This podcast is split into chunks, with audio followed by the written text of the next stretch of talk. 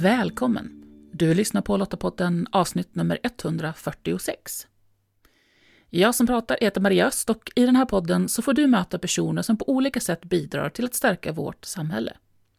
Min förhoppning är att du tar med dig något från det här avsnittet som är ny kunskap, som inspirerar dig eller som ger dig ett tips så att du kan öka din förmåga att främja, förankra och försvara vår demokrati. Alltså något som gör att du stärker din demokratiska beredskap. Lottapodden den är producerad av Svenska Lottakåren och vi är en frivillig försvarsorganisation som engagerar och utbildar kvinnor som vill göra skillnad i vardag, kris och krig för att stärka samhällets krisberedskap och totalförsvaret. 29 maj varje år så firas veterandagen. Eh, och det är en dag då vi hyllar våra veteraner och hedrar minnet av dem som betalat det högsta priset i arbetet för fred i olika krishärdar runt om i världen. I år uppmärksammades särskilt de utlandsveteraner som tjänstgjorde under Cypernmissionerna mellan 1964 och 1993.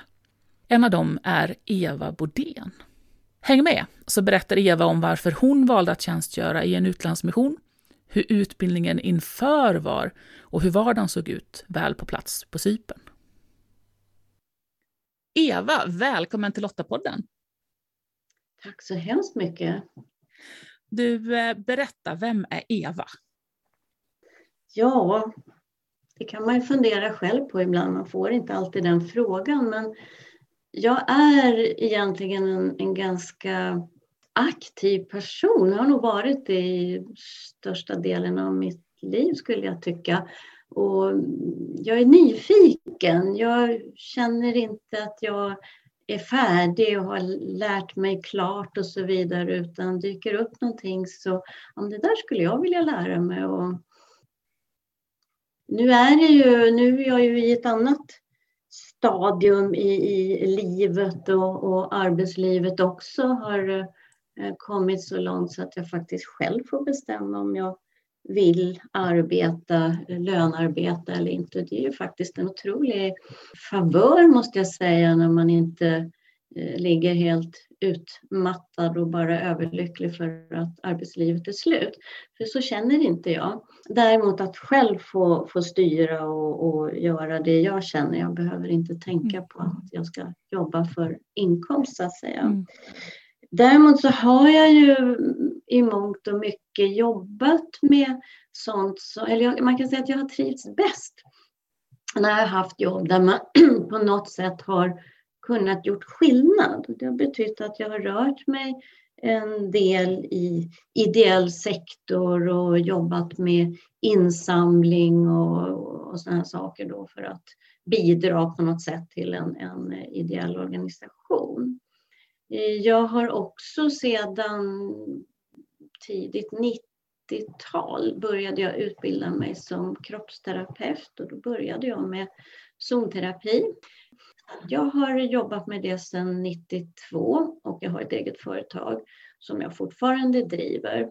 Nu när jag får göra som jag vill så kan jag också bestämma hur mycket eller hur lite jag vill jobba med det. Men, men jag har inga som helst planer på, på att lägga ner den verksamheten. Sen har jag också sedan några år tillbaka varit aktiv i ett nätverk som föreläser i skolor och för resebranschen om hållbar turism och hållbart resande. Så att det här med hållbar utveckling är ju också någonting som ligger mig otroligt varmt om hjärtat. Sen är jag ganska fysiskt aktiv. Jag tycker ju hemskt mycket om att röra på mig. Jag, eh, är, åh, jag vill åka till fjällen varje vinter. Jag känner att det är vinter och snö. Det, det är nästan ett helt misslyckat år om jag inte har varit i, i fjällen. Så det försöker jag verkligen göra, åka skidor. Här hemma kan man åka skridskor ibland när det finns isar. Den här årstiden cyklar jag rätt så mycket. Sen har jag ju inte gjort någonting på två år som är så vanvettigt kul så att man inte går att beskriva. Och det är ju att dansa. Och det hoppas jag verkligen nu att vi får komma igång med dans. Jag har bott inne i Stockholm i faktiskt i 30 år. Jag är ju från, eh, har mina rötter i Västerbotten, Jag är född i Skelleftehamn och båda mina föräldrar var ju västerbottningar. Men vi flyttade så småningom ut till Mälaröarna som ligger utanför Stockholm. Men när jag var i, vad kan jag ha varit, 30 års ålder någonting, då rörde sig ju allt liv in i stan sedan många år tillbaka och med dåliga bussförbindelser och sånt här så var jag alltid den där som fick åka hem när det var som roligast eller övernatta hos några kompisar. Så jag flyttade in till stan eh, och bodde då i, faktiskt i 30 år i två olika lägenheter. Men nu har jag bott fyra år i ett radhus i Tyresö som är skärgårdskommun och där trivs jag enormt bra. Jag har inte ångrat mig en enda sekund. Och där har jag två katter. Sen har jag en särbo som bor på andra sidan stan så han tyckte väl först kanske att usch, vad ska du ända dit ut och göra? Men det funkar och han är också ganska aktiv. Så den här årstiden så cyklar han faktiskt ut till Tyresö från Solna så det är inte så dåligt gjort för den som har faktiskt fyllt 70. Mm. Jag tänker vi ska ju prata om eh, en del av ditt liv när du var eh, ute på mission. För Veterandagen den firar vi ju 29 maj varje år. Eh, och I år då så uppmärksammades de utlandsveteraner som tjänstgjorde vid FN-insatsen på Cypern under då, eller mellan åren 64 och 93. Eh, och en av de här veteranerna, det är ju du. Ja, det är ju det. Och vi har ju väntat och väntat och väntat. För att det var ju redan 2000 2019 på veterandagen så uppmärksammades dels eh, fältsjukhuset som Sverige skickade till Korea och de FN-insatser som gjordes i, i um, Sinai var det. Och då sa de att nästa år, 2020 blir det då, då, då ska vi uppmärksamma Cypern. Jippi, tyckte ju vi då naturligtvis. Sen blev det pandemi och då trodde man att ja, men vi, vi kan nog köra det här 2021. Men det gick fortfarande inte med, med tanke på, eller på grund av pandemin. Vi kör 2022 och sen kom det här kriget i Ukraina. Och då tänkte jag att det blir nog inte 2022 heller för vi vet ju inte riktigt vad, vad som händer. Men det blev det. Så vi har, det har verkligen varit efterlängtat att få den här eh, både uppmärksamheten men också att eh, kan vi få ihop lite folk från, från min bataljon 89 Caesar som den hette då, då. Vi var ju näst sista bataljonen eh, på Cypern. Vi eh, åkte ner hösten 86 och hem våren 87. Och, och eh, FN-uppdraget pågick ju ända fram till 93. Men det var ju då civilpoliser, poliser som var kvar på ön, svenska då, så inga eh, soldater då regelrätt. Och vi fick ihop en liten grupp faktiskt som träffades nu på veterandagen. Men du, eh, vad var det som gjorde att du åkte till Cypern? När jag gick ut gymnasiet, då var jag nog ganska skoltrött efter de där åren och började jobba på en gång. Och åren går ju ganska fort och sen börjar man inse att eh, borde jag inte göra någonting mer av mitt liv? Så att den ena anledningen till att det blev så här, det var nog att jag ville eh, hitta någon förändring. Och eh, det andra var ju naturligtvis också att spännande ge sig ut på ett äventyr. Och eh, naturligtvis det här som har gått som en liten röd tråd i mitt liv att då kan man vara med och göra skillnad på något sätt och också att det är en, kanske en merit och en personlig utveckling. Man kan väl säga dels också, det är så att min pappa var i flygvapnet och låg i beredskap under andra världskriget. Att man var lite inne i det där militära på något sätt och jag tyckte väl att det var lite spännande.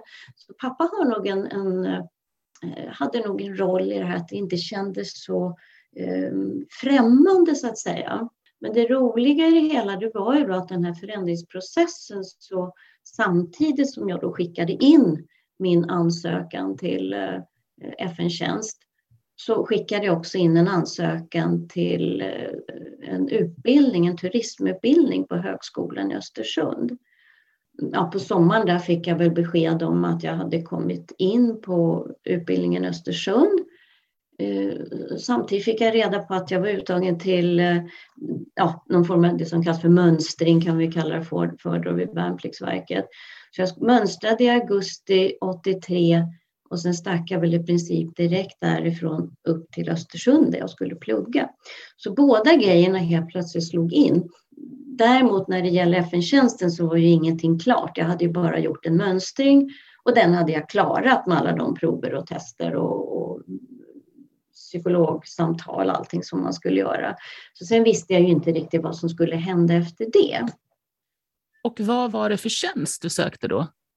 Ja, just det. Det fanns ju vissa tjänster bara för kvinnor. Så den enda tjänsten som passade min bakgrund, för jag hade då jobbat som eh, sekreterare och mm, lite med ekonomi och sådana här saker. Då. Jag hade ju ekonomiskt gymnasium.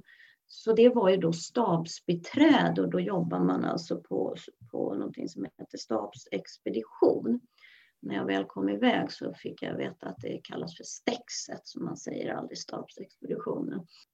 Sen var det ju en lång process med det här. Jag har sett här nu i efterhand att bara till den här mönstringen vi gjorde så var det 1800 tjejer som sökte och det var bara 50 stycken som plockades ut.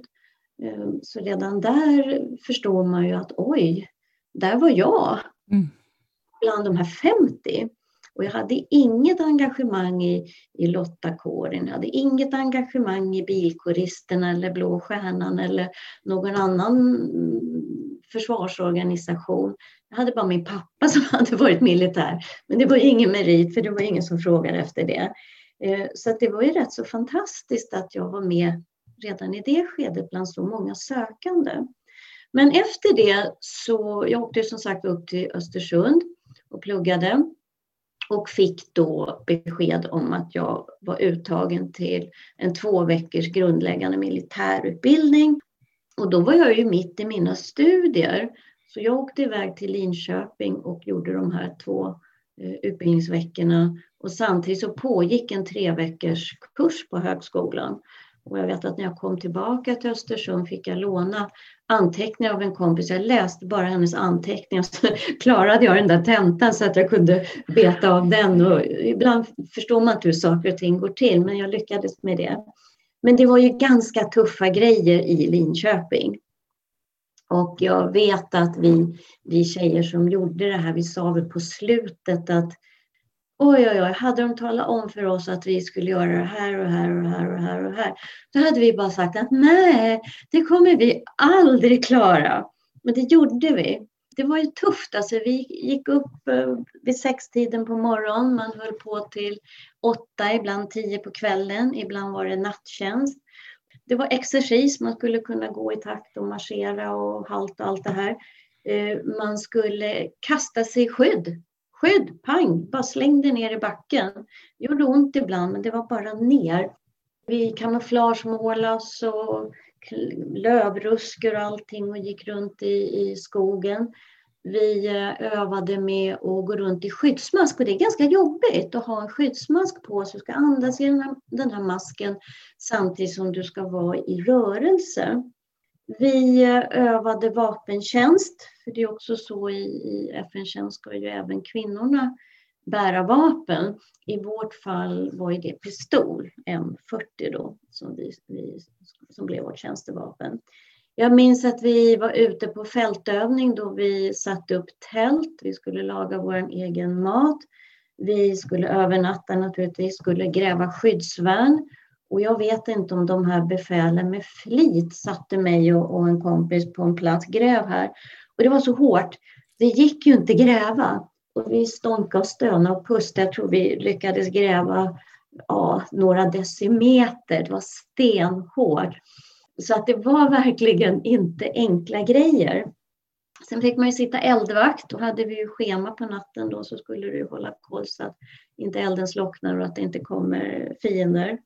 Jag vet att vi också hade nattövningar där vi gick runt med, eh, får man inte gå med ficklampa för det syns man utan man har nog infraröda eh, lampor av något slag.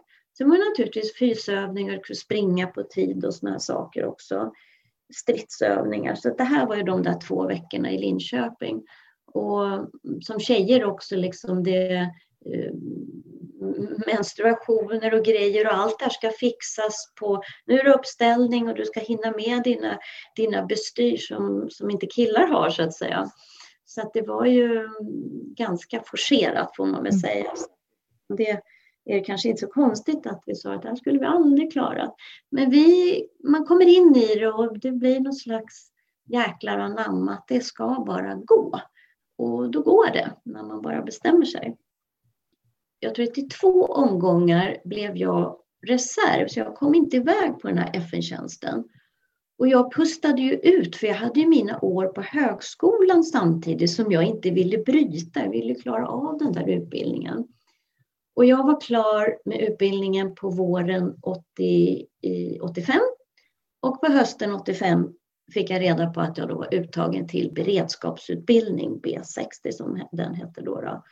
Och då var det i princip klart, då var jag inte reserv längre.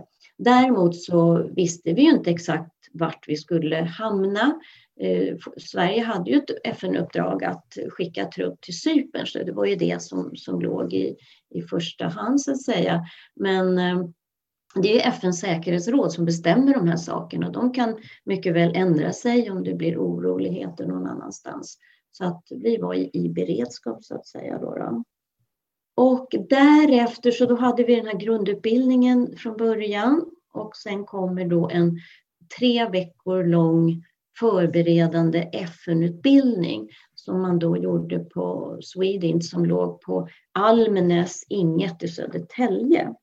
Och då blev det ännu mera övningar, både militära övningar, repetition och så vidare, men också mer inriktat på FN-tjänsten. Så vi röjde miner, det var såna ABC, eh, andning, blödning, chock, eh, träning, det var kryptering, eh, sambandstjänst. Vi fick lära oss om folkrätt, hur man står i vakttjänst och sådana saker. Och sen naturligtvis också vars och ens egen befattning, för vi skulle ju mm. utbilda till den befattningen som vi sen skulle ha när vi kom iväg. Och sen åkte vi och det var då hösten 86 som vi kom iväg. Och då tjänstgör man ju i princip i sex månader. Reflekterar du nu någon gång över alltså situationen dit du skulle? Kändes det otryggt eller var det liksom var du bara så inriktad på att här ska jag göra en insats? Att, att du liksom kände dig trygg i att du hade de kunskap och färdigheter du behövde? Ja, alltså jag kände mig trygg med känslan att vi skulle till Cypern. Men jag minns så väl i, på FN-utbildningen i, i Almnäs att eh, utbildningsledarna sa där att ni ska inte alls vara säkra på att ni kommer till Cypern. Det kan bli Chad i Afrika. Då vet jag att jag fick en klump i halsen att oj, kan det bli så? Men trots det så kände jag ju inte att ja, då hoppar jag av. Nej, nej, nej. Utan okej, okay, då får det väl bli Chad i Afrika. Men jag hoppades ju på Cypern. Men jag var trygg i, i de här utbildningsveckorna jag hade bakom mig och den tjänsten jag skulle inneha. Och eh, då hade man ju också eh, så att säga nosat lite på varandra under de här tre veckorna, vi som skulle åka. Eftersom jag gjorde min grundläggande utbildning så pass mycket tidigare så var det ingen av tjejerna till exempel som jag kände. Vi är tio stycken tjejer som skulle åka iväg. Så de var ju nya för mig alla nio. Nej, jag kände mig trygg med det jag skulle göra. Jag tyckte det var otroligt spännande att få komma iväg när, när jag hade kommit så här långt. Sen vet jag att det var en person som kanske inte var riktigt lika lycklig. Och det var min mamma, hon var lite så ska hon verkligen åka? Och så hade vi pappa, pappa militären så ja det är klart hon ska åka på FN-tjänst. Och jag såg ju riktigt hur stolt han var över att hans dotter skulle iväg på det här. Så, att, så var det.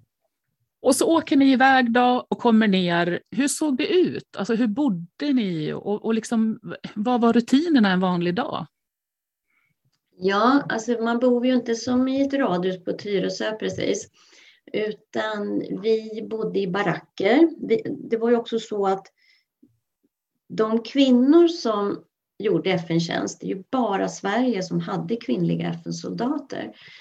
Eh, vi samlades ju då på huvudkampen, Camp Victoria i Larnaca. Så det var inte kvinnor ute på, på de andra kompanierna och, och, och OPn och så vidare. Och då delade man, man hade ett rum, vi delade två och två. Så jag delade med min eh, arbetskompis Elisabeth som vi hade samma arbetsuppgifter. Och det var, alltså ja, hur stort var vårt lilla rum?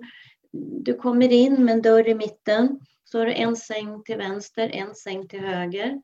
Eh, I den ena fotändan var ett skåp, det var Elisabeths. I den andra fotändan var det en byrå, det var min. Eh, en liten gång emellan där, lagom där dörren är. Mer än så hade inte vi. Och alla tjejer hade väl ungefär lika, lika litet så att säga. I änden av våran barack, där hade vi duschen. Och det här var ju lite undermåliga Eh, elsystem och så vidare så att det var ju strängeligen förbjudet att gå ner i duschen utan sådana här gummi flip-flop-skor så att säga. Så att vi inte skulle få ström i oss när vi duschade. Det är också en speciell erfarenhet får jag väl lov att säga då. då. Det var väldigt kallt på, vi hade ju en vinterbataljon, det var ganska varmt på Sypen, men det var ju nätter då det kunde vara ganska kallt i de här barackerna. Eh, men vi trivdes ju, som, som eh, alla trivdes väldigt, väldigt bra. Sen den dagliga rutinen, det var ju då att det var uppställning varje morgon på flaggplan som det heter. Och jag tillhörde ju då stab och trosskompaniet som alltså huserade på den här Camp Victoria. Det var vi som var ungefär 120 personer varav 10 kvinnor då. Och jag tillhörde under det stabsplutonen. Men Då var det alltid uppställning, så plutonvis ställdes man upp. Det var rapportering, närvarande säger så många, frånvarande säger så många och honör och, och sen så gick man iväg till sin mm, arbetsplats. Och det var då det här stexet som sagt var som låg i samma byggnad där bataljonschefen och ställföreträdande eh, battchef och stabschef, då de, vi delade ju bataljon med dem, eller barack med dem. Och även Eh, det som kallas för Duty Officer, DO, satt också på samma sida som oss. På baksidan av vår barack, eller den arbetsbaracken, hade vi också växeln då som kallas för Sing Sing. Och där var vi då fyra stycken som jobbade. Och jag kan väl säga att det dagliga arbetet bestod framför allt i början väldigt mycket av att skriva om olika eh, kontingensordrar och kompaniordrar. Och man kan nog säga att varje eh, bataljonschef ville ha det på sitt sätt. Eh, ibland så kom det ju då det vi kallar för dipp-post som skulle hämtas på flygplatsen. det var ju så att vi hade ju egen, eget postkontor och allting som hade kontakt med Sverige. Så den, den posten sköttes ju via, via dem. Men det här var ju då kanske hemliga handlingar och sånt där som skulle hämtas på flygplatsen. Och då fick man säga till någon av killarna som jobbade på TPC som var transportservicen att eh, de fick köra en till flygplatsen. Och sen fick man då kvittera ut de här handlingarna och legitimera och visa vem man var och så vidare och så tillbaka till, till campen. Både ute på de, på de olika kompanierna och OP'na så var man ju nyfiken på vad, vad, vad, vad händer i Sverige och vad finns det för nyheter? Det var ju inga mobiltelefoner och, och radio på det sättet som man kunde kan eh, ratta in idag. Och då kom det info, vilken väg har jag faktiskt glömt? Eh, någon form av telex eller någonting sånt där. Så den som hade jouren skulle också skriva det här eh, Swedcon Nytt tror jag det hette. Swedcon var ju då den svenska kontingenten. Det tyckte jag var ganska kul för då fick man ju själv eh, formulera lite. Här har vi en nyhet så här och då, ja, men jag skriver den förkortar där och den där nyheten, det här var ju spännande, den kan vi ta med. Och det skulle ju rymma på en A4 så man fick ju inte bre ut sig för mycket och då gällde det också att välja nyheter som verkligen var relevanta för oss. Och sen hade man ju då det som ja, man verkligen får förklara för människor idag, unga människor allting. Det var ju inte vanliga att man satt och skrev på en dator och, och sen gick man till, till eh, skrivaren och här printas det bara ut utan det var ju någon form av blåkopior. Alltså man skriver ju det här på ett blad och sen sätter man det på en rulle och där finns det massa färg och så vevar man den här som är positiv ungefär och så spottar den ut de här bladen. Och sen skulle de här då delas ut dels på våran kamp till de olika mässarna. Vi hade ju tre olika mässor, Private, eh, Warrant Officer och Off Officers Officers mäss då. Och sen la man det i postfack också så att det kunde köras ut till de olika kompanierna och till operorna. Plus att vi hade naturligtvis kontorsförråd och allt sånt här. För det var ju som ett kontor kan man säga. Jag sa ju också att vi tjejer inte bemannade operorna.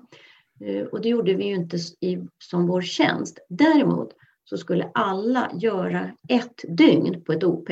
Man skulle ut i vaktkuren och, och stå post och så vidare. Man kunde välja ett eller flera. jobb på ett OP-dygn i, i en by som heter Trulli. Och de killarna som hade det, si, heter det nu, Sigurd 03, eh, Trulli, det OP de hade en villa som de hyrde av någon i, på den här grek, grekiska sidan som inte var ockuperad av Turkiet. Och sen låg själva OP uppe på en kulle som man fick, ja inte klättra men knalla upp till det där då. Och så hade man ju vy ut över eh, buffertzonen så att det, det handlade ju om att se till att ingen tog sig in i buffertzonen för där får ju inte människor vara överhuvudtaget. Så det tycker jag var, var, var spännande och roligt att få göra det här OP-dygnet. Sen hade vi faktiskt väldigt mycket övningar. Det var ju brandövningar, olika fys tävlingar, eh, skyttetävlingar och sen sist men inte minst då den här finns en liten udde söder om Larnaca som heter Cape Kitty och där hade vi då eh, soldatprovet så vi gick eh, tre mil på den här, under den här dagen. Men det är ganska långt. Man tycker det idag, herregud, vi gick tre mil. Eh, då behövde vi inte gå i, i takt visserligen, men det, det är ändå ganska, ganska, ganska rejält.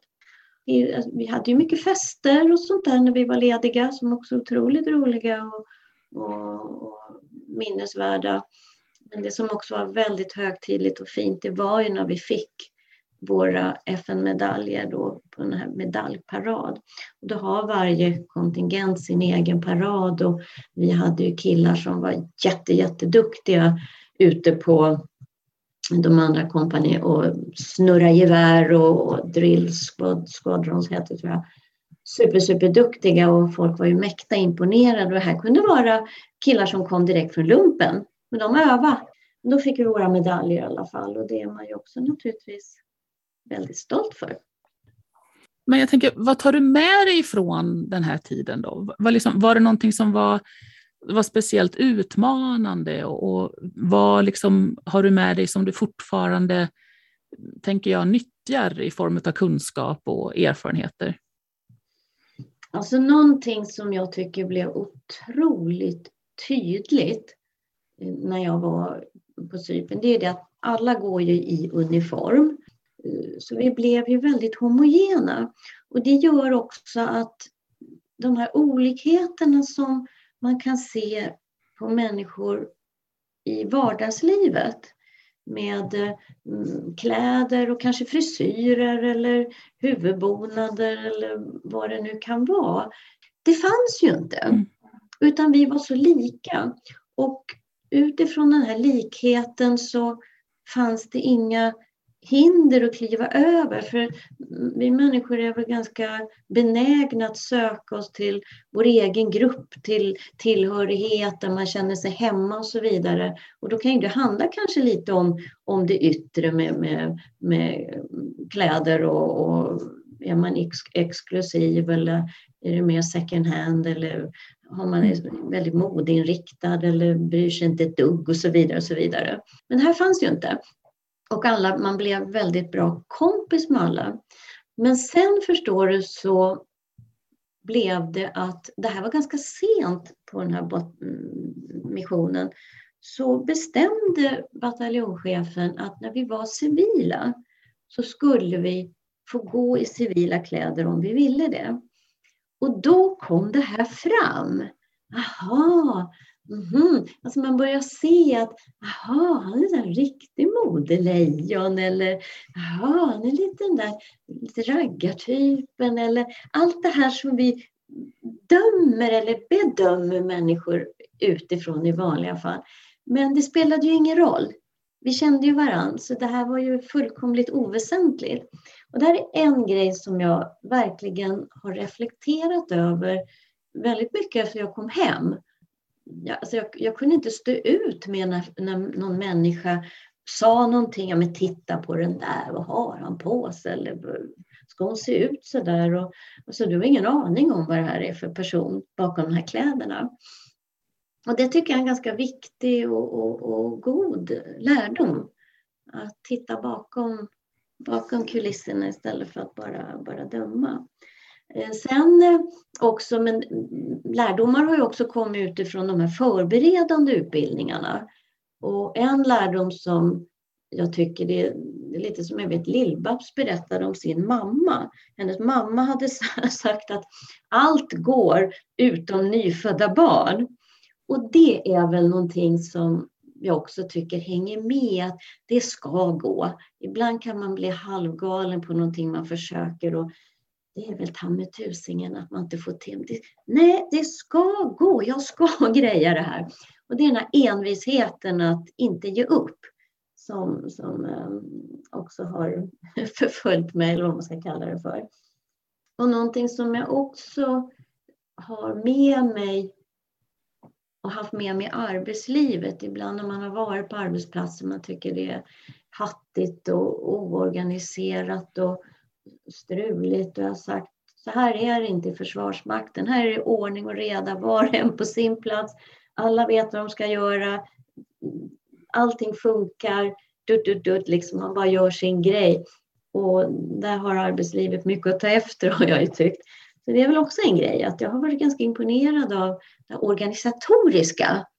Att allting bara löser sig. Mm allting bara löste sig. Vi åkte ner allihopa och, och vi gör det vi ska och när vi ska hem så är det också organisation och ha, vi ska väga in våra sjösäckar, de får inte väga mer än si och så. Det är system och det är planering för precis allting. Och det, jag gillar ju det här med ordning och reda, jag är född i jungfruns tecken så det är väl en liten skada därifrån kanske. Jag måste bara berätta också att 1988 så fick ju FNs fredsbevarande styrkor Nobels fredspris. Och det var ju alla som hade gjort FN-tjänst fram till 88. Och det är runt 400 000 FN-soldater varav 55 000 svenskar. Så vi är många som har ett fint diplom på väggen och en fin medalj också på grund av det. Du sa ju det, du var ju inte Lotta eh, när du gjorde din mission, men i år så har du blivit Lotta. Vad var det som gjorde att du stod steget nu? Ja, det är ju lite faktiskt någonting som jag också har haft med mig väldigt länge. Jag tror att de flesta som tjejer som gjorde FN-tjänst kanske hade någon bakgrund inom Lottakåren eller någon annan frivillig försvarsorganisation. Och det har funnits till och från att jag ska gå med i Lottakåren, men det har inte blivit av. Det kanske har haft med jobb och, och annat att göra, att man haft fullt upp på, på olika sätt.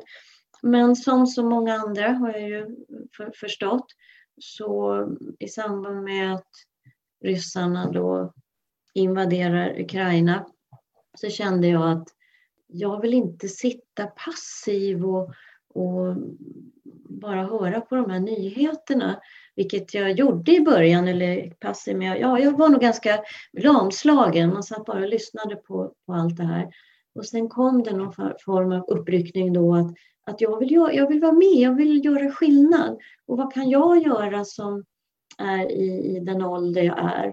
Ja, men Lottakåren gick in och kollade på ja, vad, är, vad är maxåldern där då ungefär. Och det fanns ingen. Sen sökte jag också till hemvärnet. Man vet ju aldrig, tänkte jag. Kanske tycker att en gammal FN-soldat kan vara någonting att ha.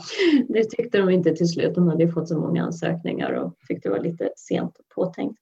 Man får ju inte vara kvar i hemvärnet efter 70.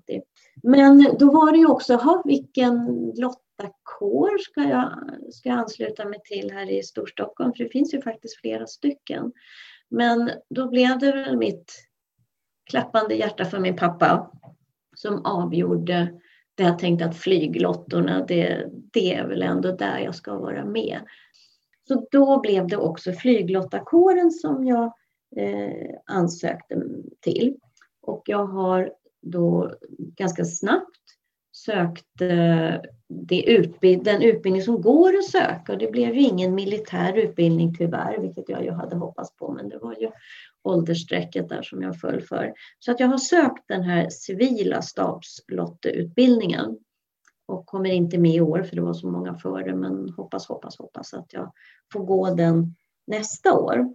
Jag har varit på några, vi har haft en spionvandring som var jättespännande. Jag har varit på, lyssnat på, eh, vad hette hon nu då, Delham som är Sveriges första strids, Anna tror jag, stridspilot. Det är också superintressant. Det var ungefär i den här vevan när jag gjorde FN-tjänst några år senare som hon utbildade sig till stridspilot. Och nu när vi sänder det här, du och jag, så är det ju dags för marinens 500-årsjubileum. Och då ska jag stå i Lotta kårens monter. Så nu ska jag för första gången värva medlemmar och prata om kåren. Och jag kommer också vara med på flygdagarna i augusti på F16 i Uppsala. Det är samma, samma roll att prata om lottakåren och värva medlemmar. Så att jag vill ju vara med. Jag vill inte vara stödmedlem bara utan jag vill som sagt återigen kunna vara med och göra skillnad och, mm. och hoppas på att det blir uppdrag också där man får göra någonting ytterligare. jättekul att höra och min inställning är ju precis det du beskriver. Att Visar man att jag vill, eh, då finns det möjligheter på olika sätt och alltid någonting att göra och bidra med. Och speciellt tänker jag att eh, man har alltid med sig någonting som man kan eh, som liksom kåren, både den lokala lottakåren men även Riksförbundet har nytta utav. Så att det gäller bara att, att hitta rätt väg på något sätt. Eva, jättekul att få höra om din erfarenhet som veteran och jag får ju också passa på att hälsa dig varmt välkommen som medlem och jättekul att ha dig med. Och tack så jättemycket för det här samtalet.